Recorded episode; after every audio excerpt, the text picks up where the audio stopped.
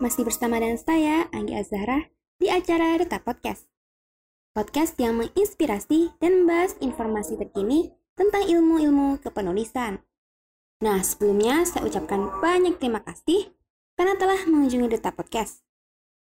Pada hari ini, Deta Podcast akan memperbincangkan satu materi penting dengan judul Mencari Ide dalam Menulis. Nah, seperti apa nih keseruannya? Oleh sebab itu, terus dengerin Deta Podcast ya.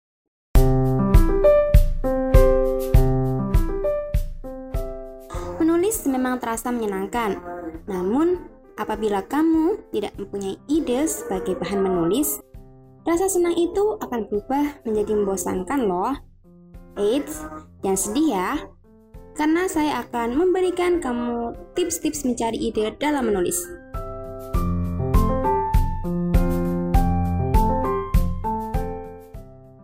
Sebelumnya, saya tidak mengharuskan kamu untuk mengikuti tips yang Data Podcast berikan ya. Karena kita semua tahu setiap orang pasti memiliki cara yang berbeda-beda dalam mencari ide menulis.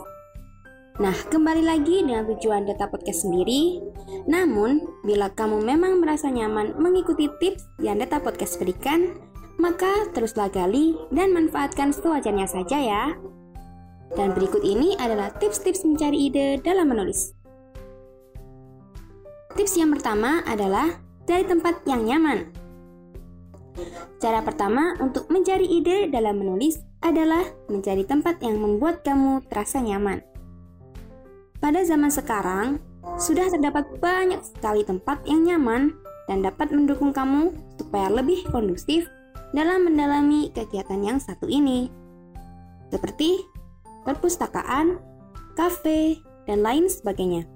Dan tidak menutup kemungkinan bahwa rumahmu juga bisa menjadi tempat yang nyaman bagi kamu menciptakan sebuah karya tulis. Dan berada di tempat yang membuatmu nyaman, maka pikiranmu akan cenderung menjadi lebih tenang sehingga ide-ide tulisan dapat lebih cepat muncul.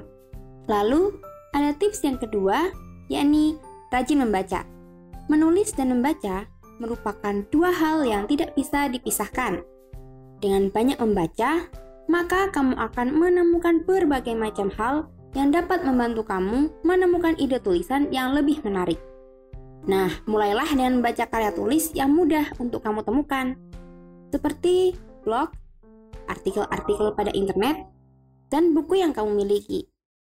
Namun, apabila kamu sudah menemukan ide yang bersifat mentah, langkah selanjutnya kamu dapat menggali ide tersebut supaya matang dengan menambahkan bahan-bahan yang bersifat khusus, serta dapat menjelaskan tentang ide-ide mentah yang telah kamu dapatkan sebelumnya.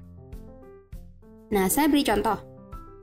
Misalnya, bila kamu ingin menulis tentang bidang tertentu, maka kamu dapat terlebih dahulu membaca tentang bidang yang kamu pilih, berupa artikel, koran, majalah, siaran televisi, dan lain sebagainya.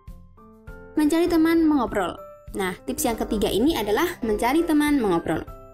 Cara ketiga untuk mencari ide dalam menulis adalah dengan mencari inspirasi melalui obrolan antara kamu dengan orang lain. Mungkin bisa dari kalangan keluarga, teman, maupun sahabat yang kamu miliki.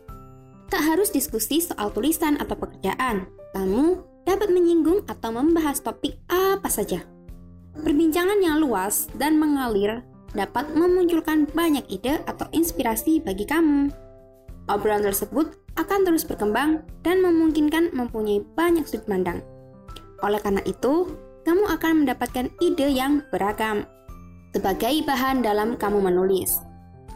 Nah, yang selanjutnya adalah mencari referensi lain. Saat mencari ide dalam menulis, cobalah untuk mencari referensi-referensi lain Referensi itu dapat berupa film, musik, dan permainan.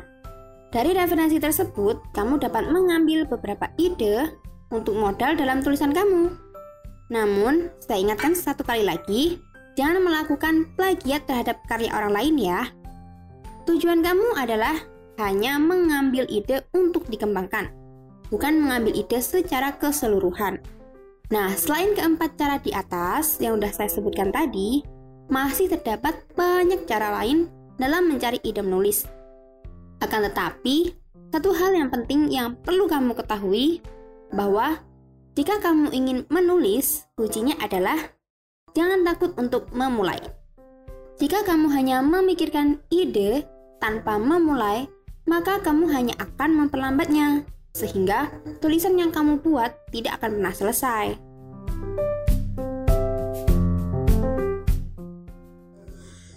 Tak terasa ya bahwa perbincangan kali ini telah berakhir. Bagaimana? Pastinya makin pertama bukan ilmu teman-teman tentang cara mencari ide dalam menulis.